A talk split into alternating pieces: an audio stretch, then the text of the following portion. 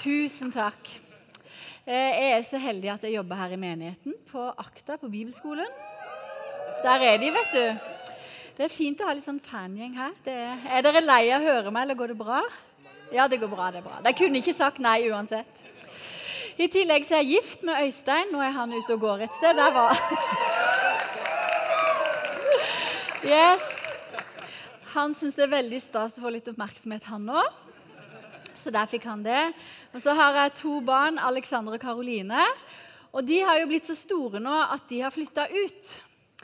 Og da har jeg konkludert med at nå er det jul, og vi har hatt en høst uten barn i huset. Dvs. Si at de kommer innom for å spise av og til. Av og til så kan de komme sånn innom i firetida. 'Å, er det mat her, ja?' Og så kan jeg si ja, det har vært middag fire her de siste 23 åra. Så det stemmer. Nei da. Men eh, i hvert fall så tenkte jeg i år da det nærmer seg jul, at eh, nå har ungene flytta ut, så da gidder ikke jeg å lage pakkekalender mer. Eh, syns dere det var lurt? Nei, ja, noen sier ja. Men jeg tenkte nå er jeg litt ferdig med det. Nå har de flytta ut. Eh, og så var det 1. desember, søndag for ei uke siden. Da satt jeg i stua mi, ante fred og ingen fare. Jeg hører et brak ute i gangen. Og inn døra kommer to unger, to voksne unger på likt. Og så sier de vi kommer egentlig bare for å hente adventskalenderen vår. Og så sier jeg ja, men nå har dere jo flytta ut, jeg har ikke adventskalender til dere i år. Og så får jeg sånn en sånn utrolig klar og tydelig beskjed om at det, det har vi fått hele livet. Det burde du faktisk gitt beskjed om.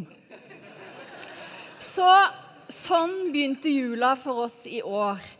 Og så er det jo en lykke da, at han yngste min han har en kjæreste som har lagd en pakkekalender til han som visstnok er mye bedre enn den jeg har lagd før. Og I tillegg så har Karoline en tante som har vært med en gedigen pakkekalender med bare luksusting i, så hun er også veldig fornøyd.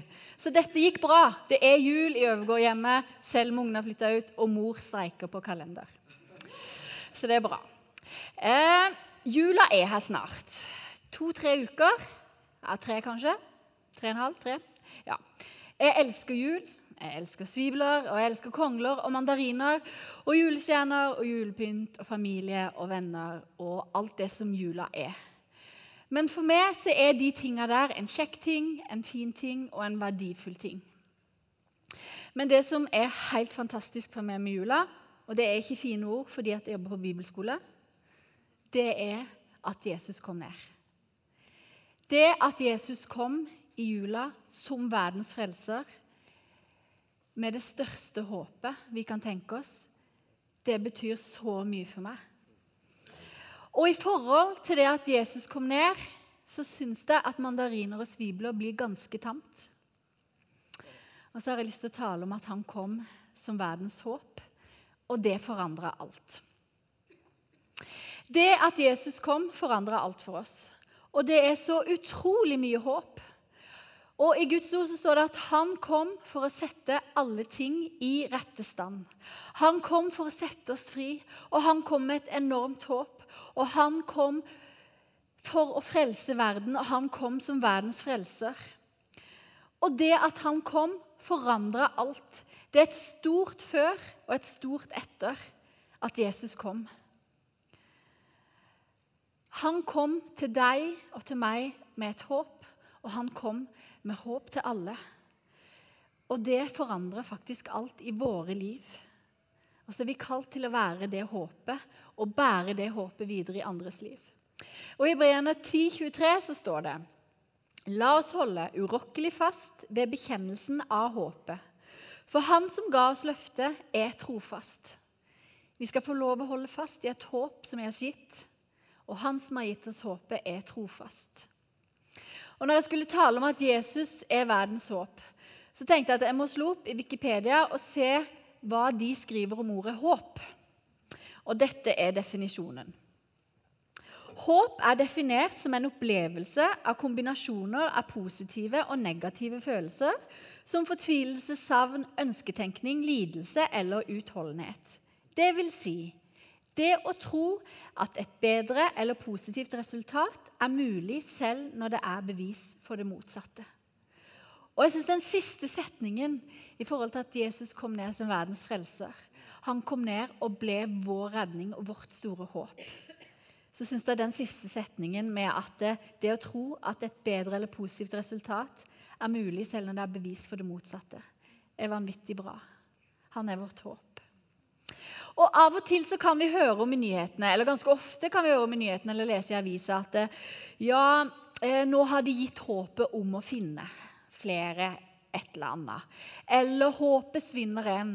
Eller de kan si at det, det er enda for tidlig å gi opp håpet om at prikk, prikk, prikk. Og det for et menneske å leve uten håp er noe av det tyngste, noe av det vondeste, noe av det mørkeste. Å ikke ha håp er helt forferdelig å oppleve og en helt forferdelig situasjon å være i. Men når vi har med Jesus å gjøre, så er det faktisk alltid håp. Han er håp, han er trofast, og han er der for alltid. Og det at Jesus kom ned som verdens frelser og ble menneske, gir oss et håp som alltid, alltid, alltid står fast. Og da er det aldri sånn som de kan si i nyhetene, at nå er alt håp ute. For med Jesus så er det alltid håp. Jeg har lyst til å si noe om at det at han kom ned med håp og blei håp for oss, er noe konkret. I Bibelen så står det at vi var uten håp, men at Gud i sin store nåde sendte Jesus. Og det at Jesus kom med håp som verdens frelser, det er så mye mer enn en fin overskrift eller en sånn stor, diffus greie. Det er veldig konkret, og det har stor betydning i våre liv, for vår framtid, for vår familie og til og med for vår evighet. Det at Jesus kom ned som verdens frelser, forandra alt for oss. Og I Isaiah 9,6 eh, så profeterte Jesaja om at Jesus skulle komme mange, mange hundre år før han kom. Og der står det Der var det, ja. For et barn er oss født, en sønn er oss gitt. Herredømmet er på hans skuldre, og han skal ha navnet Underfull rådgiver, veldig Gud, evig far og fredsfyrste. Og vet dere hva? Det er ikke noen sånne fine ord med litt sånn så fint å lese i jula. Men det er utrolig konkret i våre liv, i vår hverdag, der vi står. Det at Jesus er underfull rådgiver i din hverdag, i det du holder på med, er utrolig konkret. Du kan komme til han med alt. Og Mange plasser i Bibelen så står det om visdom. Og så står det at Hvis vi ber Gud om visdom, så vil han gi det til oss gratis. Han deler det ut til oss som søker visdom. Det står mange plasser i Bibelen at han vil komme med råd til oss, og vi skal slippe å være rådløse. Eller når det står at Gud er veldig Gud, at han er veldig Gud, så betyr det at av og til i livet vårt så trenger vi noe som er større enn oss sjøl, som kan hjelpe oss, som kan være der for oss. Som kan gripe inn i situasjoner som ikke vi kan gripe inn i sjøl. Og det er konkret i våre liv. Eller når det står at han er evig far, så betyr det at før Jesus kom, så var det ikke håp. Vi var dømt. Vi kunne ikke ha noe med Gud å gjøre. Og han forsonte oss med Gud og ga oss fred med Gud.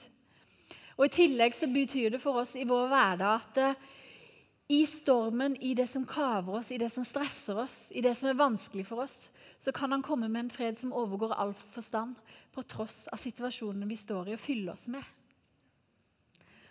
Og det er konkret.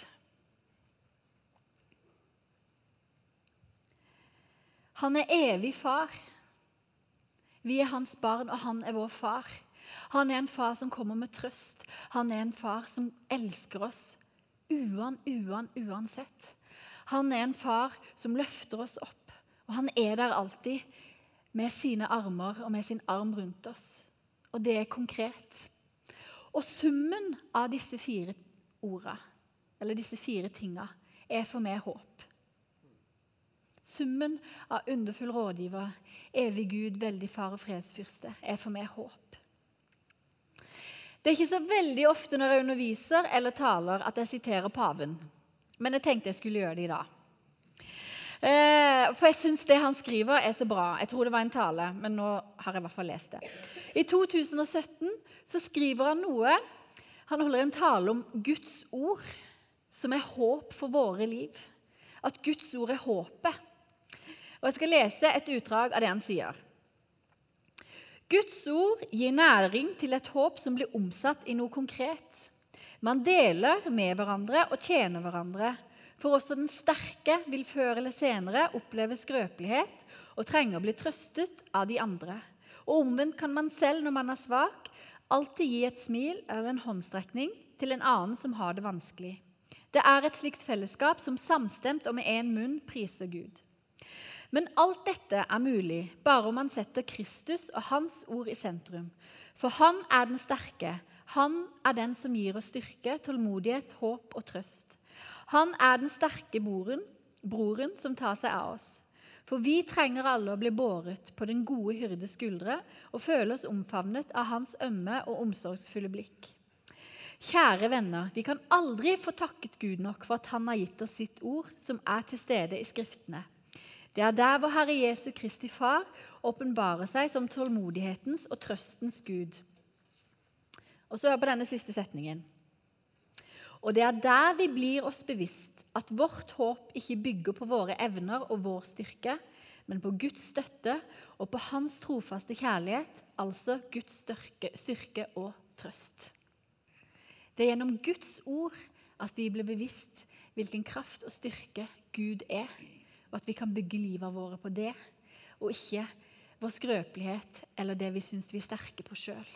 Og det er håp. Jeg har lyst til å dele en historie fra Bibelen som står i Johannes 4, vers 5 og utover. Og Den handler om kvinnen ved brønnen. Og Greia er at hun midt på dagen, i den sjette time, sånn i tolvtida, reiser ut til en brønn og skal hente seg vann. Og Der møter hun Jesus. Hun har ikke peiling på hvem Jesus er. Og Han spør om hun kan gi henne vann, og han gir henne vann.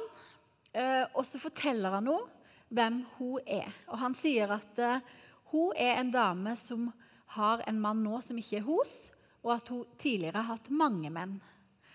Og Så sier han at han kan gi henne et vann å drikke der hun aldri vil tørste igjen. Og Så skjønner denne dama etter hvert at han er Jesus, at han er Messias, og at han er verdens frelser. Og Så går hun inn til landsbyen etter å ha møtt Jesus og han har fortalt henne hvem han er, og hvem hun er. Og så forteller hun at hun har møtt verdens frelser. Og Så er det flere i den landsbyen som går ut og treffer Jesus, og så erkjenner de òg at han er verdens frelser, og at han er Messias. Og denne dama Vi kan tenke flere ting om denne dama. Det kan hende at denne dama gikk og henta vann midt på dagen fordi hun var skamfull over livet sitt. Fordi hun var tynga av skam og det hun levde i. Og Det kan hende at hun fikk møte en Jesus som sa hvem hun var, som satte henne fri. At hun fikk livet helt på nytt, og at hun fikk et nytt håp. Det kan òg være at hun ikke kjente skam over det livet hun levde. Men allikevel så fikk hun møte den sanne Gud, som satte henne fri, og hun måtte løpe og fortelle hvem Jesus var. Hun møtte Messias, uansett hva hennes historie var. Og han satte henne fri. Og han kommer og kom for å sette oss fri fra det som binder oss. Og gjennom henne, uansett hennes historie, så var det så mange som kom til tro på Jesus. Og det håpet han møtte henne med, og det levende vannet han møtte henne med, og det livet han møtte henne med, det forandra alt for henne. Og Jesus er den samme i dag. Han lengter etter å møte deg og de rundt seg med sitt håp. Enten du kjenner deg nedtynga og tenker at 'jeg trenger Jesus', eller kanskje du tenker du har det bare helt greit. Så kan Jesus gjøre alt nytt i livet ditt uansett. Det at Jesus kom som verdens frelser med verdens håp, er veldig konkret. Og alt forandra seg for denne dama, og det kan forandre seg for deg òg.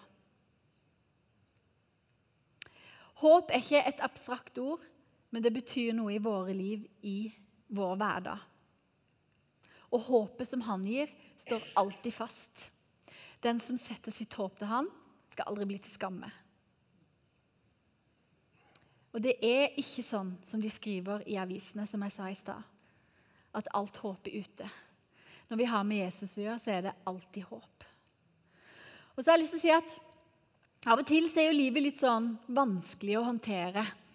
Av og til så kanskje du kommer fram til at nå er jeg vanvittig sliten, og så innser du at eh, den jobben jeg har, eller det studiet jeg har, eller hva enn jeg holder på med, at det er bare for mye av det i livet. Og Kanskje du må snakke med sjefen da, og få gjort litt om på jobben, eller kanskje du til og med må bytte jobb. Og så er det en stor utfordring, og det er ganske vanskelig, men samtidig så er det håndterbart og noe du kanskje kan gjøre noe med. Og Jeg husker en gang i mitt eget liv hvor jeg var ganske sliten. Og Så begynte jeg å se på alt jeg holdt på med, og så kom jeg egentlig fram til at ja, men alt det jeg holder på med, er veldig verdifullt. Og alt det jeg holder på med, er egentlig ganske gøy. Og så måtte jeg konkludere for meg sjøl at eh, jeg har for mye gøy i livet mitt. Og det gjør at jeg blir sliten. og så er det på en måte en ting jeg kan manøvrere og håndtere, selv om det er litt krevende å håndtere livet av og til. Ikke sant? Men så er det ganger i livet hvor livet møter oss midt i fleisen, hvor noe fullstendig uforutsett skjedde. Hvor livet bare blir vanvittig krevende. Hvor ting skjer som du bare ante aldri skulle ramme deg, og hvor livet rammer deg. Eh, og der en står, og hvor jeg sjøl har stått og tenkt at eh, jeg visste ikke at livet gjorde så vondt. Eller jeg visste ikke at mørkt var så mørkt. Og der jeg bare kjenner med hele meg at eh, nå nytter det ikke å sette seg ned med et ark og veie for og imot. Jeg, jeg, jeg kan ikke gjøre noe inn i denne situasjonen. Eller der jeg kjenner at jeg vet ikke hvordan livet skal bli videre, eller hvordan jeg skal gjøre det videre nå. For livet bare rammer en. Og noen av de gangene så har jeg kanskje vært frustrert på Gud for at han ikke beskytta meg fra den situasjonen, kanskje. Eller for at han ikke greip inn. Og midt i det som er vondt, midt i det som er smertefullt, eller midt i at en blir ramma av livet, så har jeg fått erfare en Gud som trøster på det dypeste. Og en Gud som jeg kan sette håpet mitt til. Der jeg ikke vet åssen jeg skal gjøre det sjøl. Jeg har ikke peiling på åssen livet blir fra nå av. Og så har jeg fått erfare at når jeg setter håpet mitt til Gud, og Dette er ikke noen fine ord, men dette er erfaring. Så har jeg fått erfare at å sette håpet til Gud er et trygt anker for hjertet. Det holder.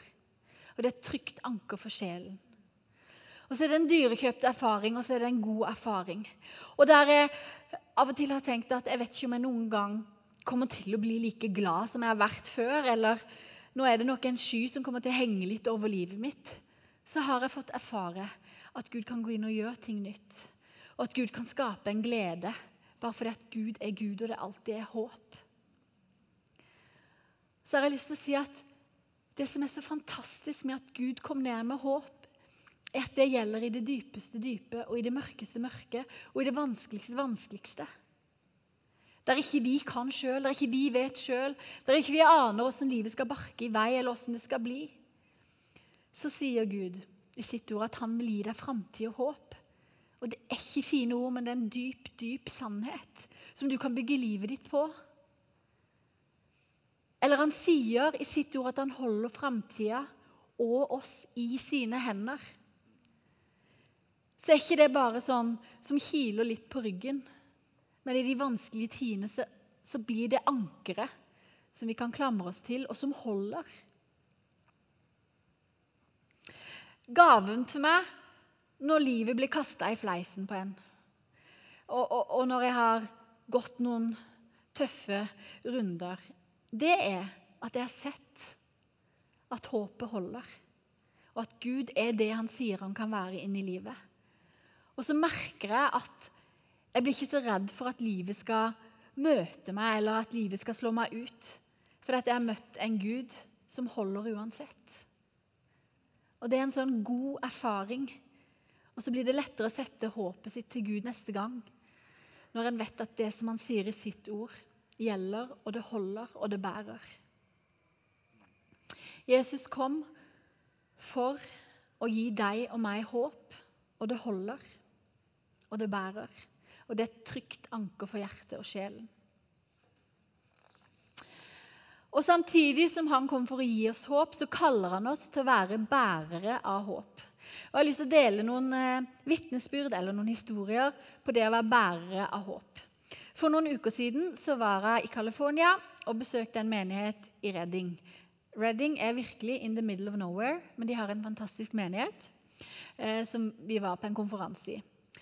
Og når jeg gikk inn på den konferansen, så var det et sånt stort auditorium der jeg satt ganske langt bak.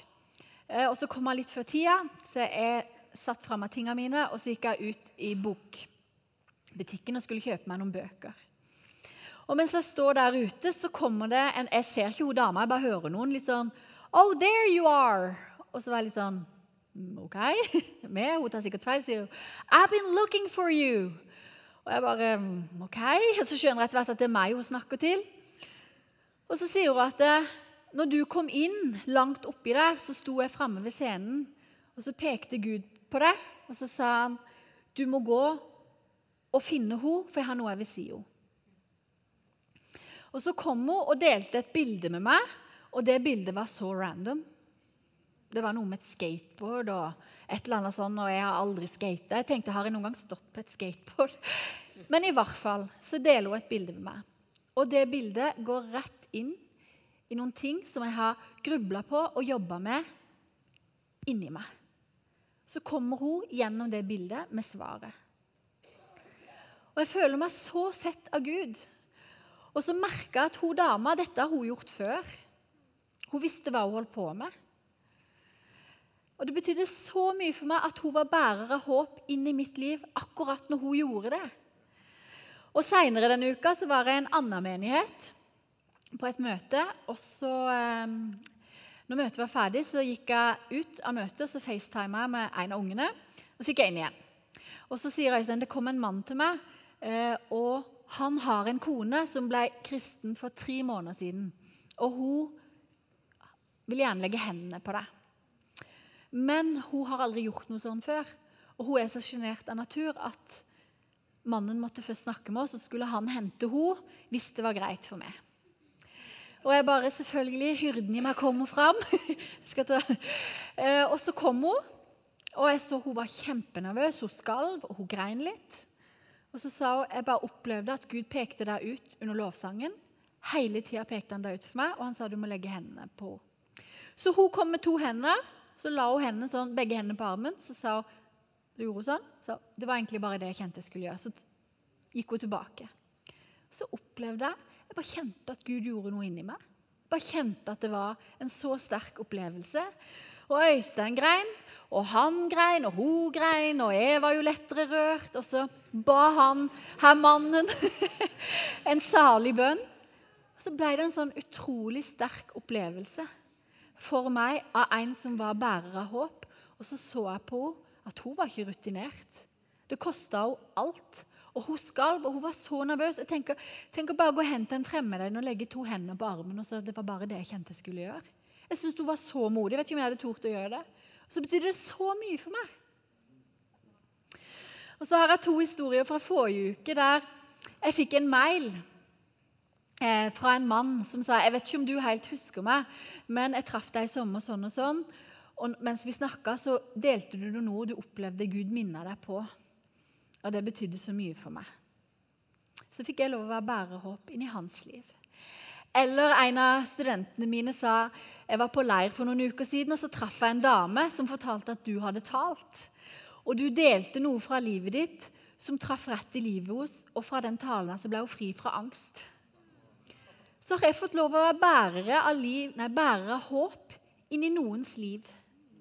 Og vi er kalt til å bære dette håpet inn i menneskers liv. Eh, Alexander, det er min sønn på 19. Han går på akta i år, og det er utrolig kjekt å være lærer til sønnen sin. altså. Det er en velsignelse. Det er veldig kjekt. Eh, men han delte et eh, vitnesbyrd som jeg syntes var så bra. Og Så spurte jeg om han kunne dele det her i kveld, men han leder lovsang nede på Join. Så jeg har med min høytekniske mann. Fått han til å filme med iPhonen sin. Så jeg filma et vitnesbyrd. Vil dere se det vitnesbyrdet? Det er ikke sånn at jeg kan si nei. Vil dere se det vitnesbyrdet? Ja, så bra. Ja, men da kan dere få lov å se det.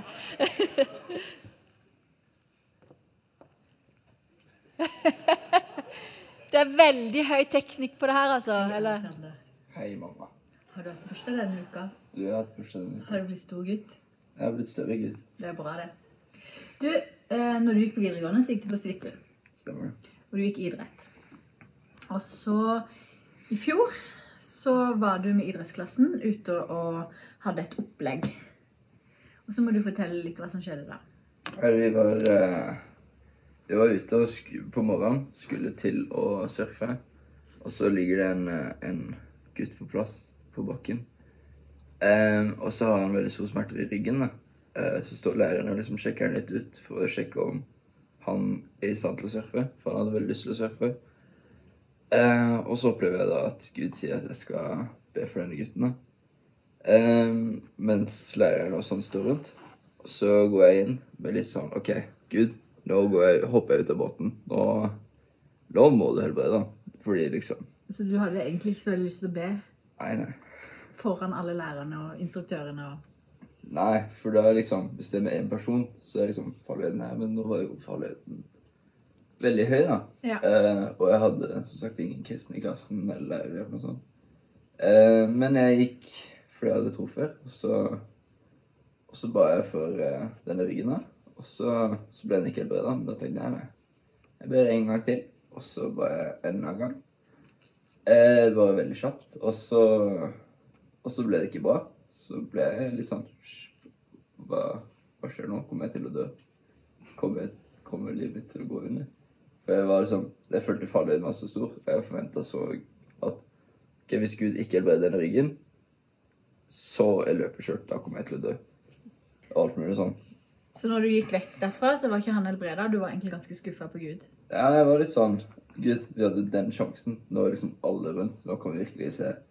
Og folk kan vitne om at det var en rygg som ble helbreda foran alle. Um, og så går jeg litt videre, da. Så er det en i klassen som har stått og sett på dette, som bare tepper meg på ryggen. Og bare Du, eh, kan du be for meg òg? Og så, så var det sånn Ja, ja selvfølgelig kan jeg be for det. Um, og så ber jeg hva vi skal be for. Han bare nei, nei, kan du be for hjertet mitt? Jeg har det ikke så bra at Gud skal bare fylle meg opp og gjøre livet mitt lettere. Eh, jeg var sånn What? Og så ba jeg for han, da. Og så, og så ble det til slutt en veldig fin ting. Og jeg fikk velsigne en person og be Guds kraft over den. da. Mm. Uh, Så det at du ba for en som hadde vondt i ryggen, som ikke ble helbreda, gjorde at du skapte et håp i en annen i klassen om at kanskje hans liv kunne bli lettere hvis du ba for ham. mm, Så du bringte håp inn i livet hans. mm. Så lærte jeg veldig Jeg lærte veldig hvordan Gud Hvordan jeg ikke kan se alt det Gud gjør i folk. Jeg tenkte hvis Gud ikke helbreder ryggen, så gjør ikke Gud noe. Mm. Men så lærte jeg veldig godt at jeg ikke ser hva Gud gjør i folk. Vi ser ikke alt Gud gjør. Nei. Mm. Og så så jeg veldig gjerne at uh, Gud bruker meg, selv om jeg ikke merker noe. Mm. Og Gud bruker Gud gjør ting i kulissene som man ikke ser. Og du kan ikke se hva, du, hva Gud gjør i andre sine liv. da. Mm. Så bra. Takk.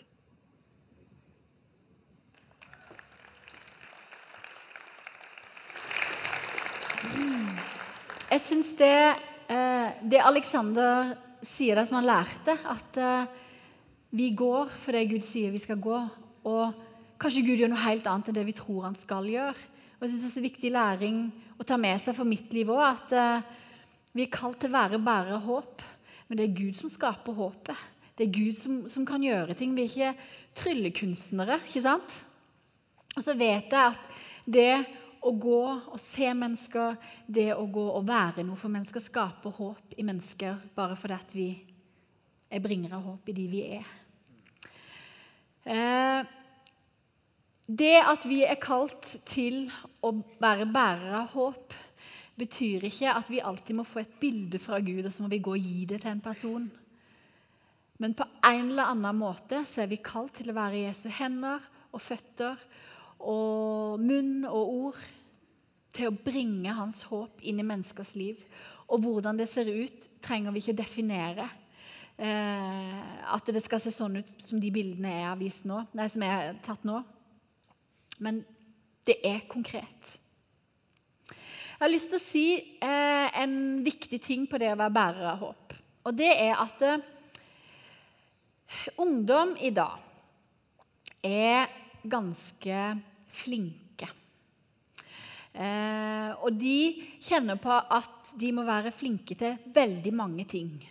Så de må være flinke på skolen, og så må de være flinke til å ha gode venner, og så må de være flinke til å få nok likes på Instagram, og så må de være så så pene, og så må de være så så sporty, og så så De må være utrolig flinke i mange ting.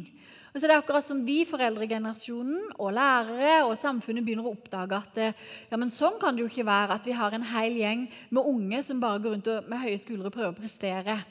Og så har vi begynt å si det. Ja, men, ja, men du er god nok. Det er godt nok. Det er bra nok. Følger dere meg på dette? Ja?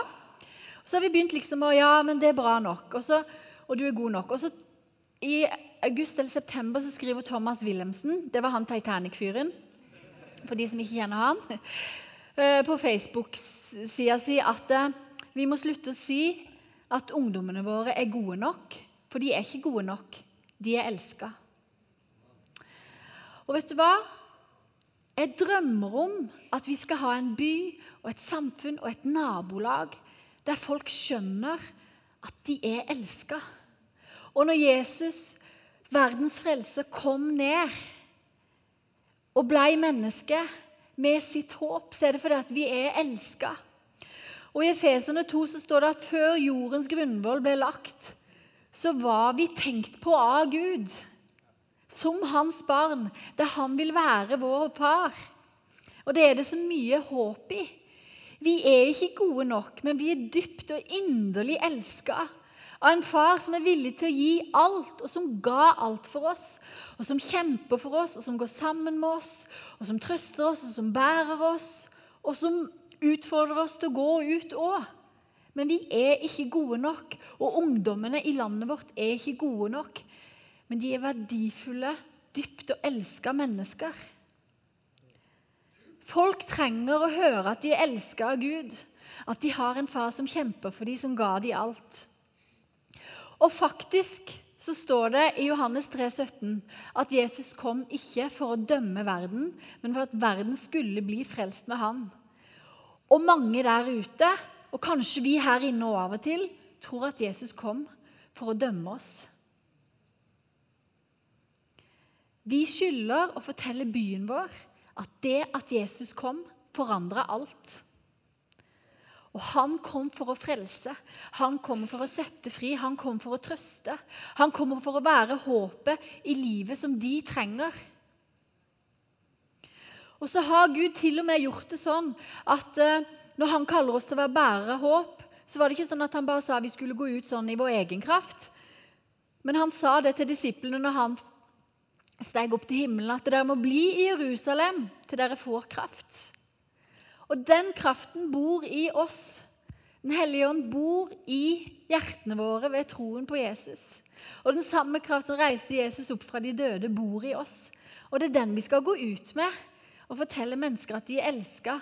Fortelle mennesker at det er et evig håp for livet deres. Og at jula ikke bare handler om mandariner og svibler og julekalendere, men at det handler om Jesus som kom ned og ble verdens håp for oss. Og vet dere hva? Vi må fortelle. Og fra Jesus kom, så har de gjennom Bibelen lytt 'gå og fortell' verden om Frelseren. Og gå og fortell at det er verdens håp. Og tenk om vi denne jula kan få lov å møte mennesker rundt oss, sånn som den kvinnen ved brønnen ble møtt. Med håp og med frihet og med en visshet om at verdens frelse kom for henne. Tenk om vi sammen med alt det kjekke som jula er, kan få lov å bringe et håp som varer evig. Det at Jesus kom ned, forandrer alt. Og det håp han kom med, er så utrolig konkret i våre liv. Både trøsten, både faren som han er, fredsfyrsten. Jeg skal begynne å avslutte. Og det har jeg egentlig lovt meg sjøl ikke skal si, for det sier mange andre her. Men jeg skal avslutte med at vi ber. Og så har jeg så lyst til at du skal få lov å legge hånda på hjertet ditt. Og så skal du få lov, skal være stille litt, i den grad en taler klarer det. Eh, og så skal du få lov å si til Jesus hvor trenger du at han kommer med sitt håp inn i ditt liv i dag? Hvor trenger du at han møter deg med ditt håp? Så skal du få lov å si det til han, og så har jeg lyst til å be. Jeg vil bare bitte litt stille.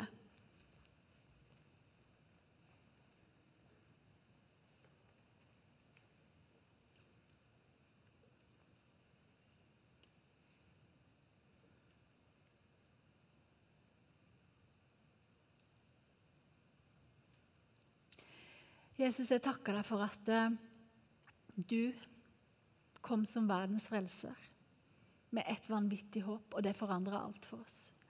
Og jeg takker deg for hver enkelt i denne salen her, Jesus. Og det var ikke sånn at du kom for mengden, men du kom for enkeltmennesket Jesus. Og jeg takker deg for at uh, du ser hjertene. Du ser oss, Jesus.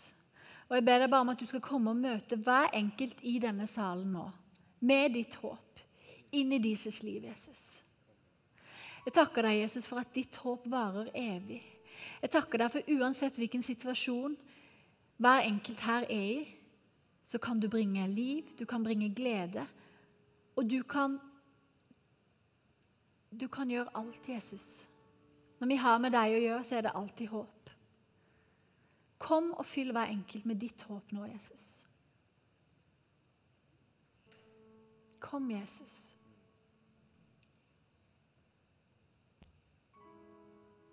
Og Jeg takker deg, Jesus, for at vi skal slippe å være sterke og finne styrken i oss sjøl. Men vi kan venne oss til deg som bærer, som holder, som trøster, som gir råd, som gir visdom, som viser vei, som kan gjøre alt nytt.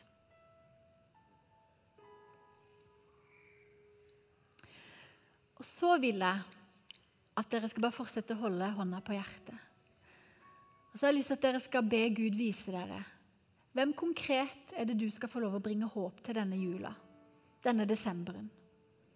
Hvilke mennesker trenger at du kommer til dem med det håpet som forandrer alt? Kan vi være litt stille, skal du få lov å søke Gud om det, og så skal jeg be.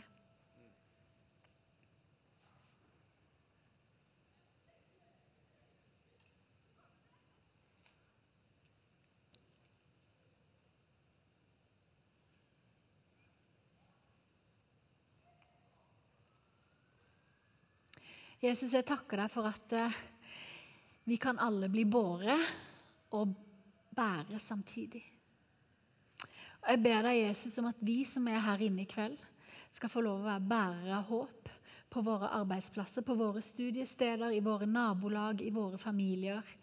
Til de menneskene rundt oss som trenger oss, Jesus.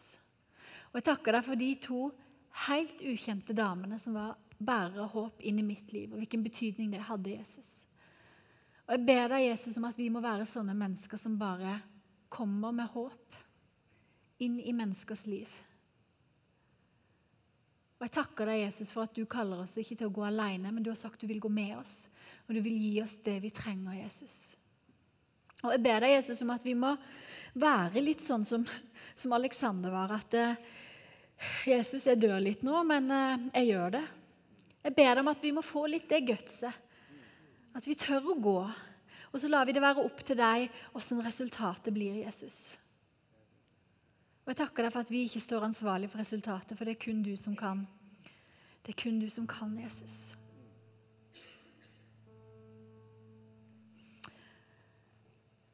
Amen.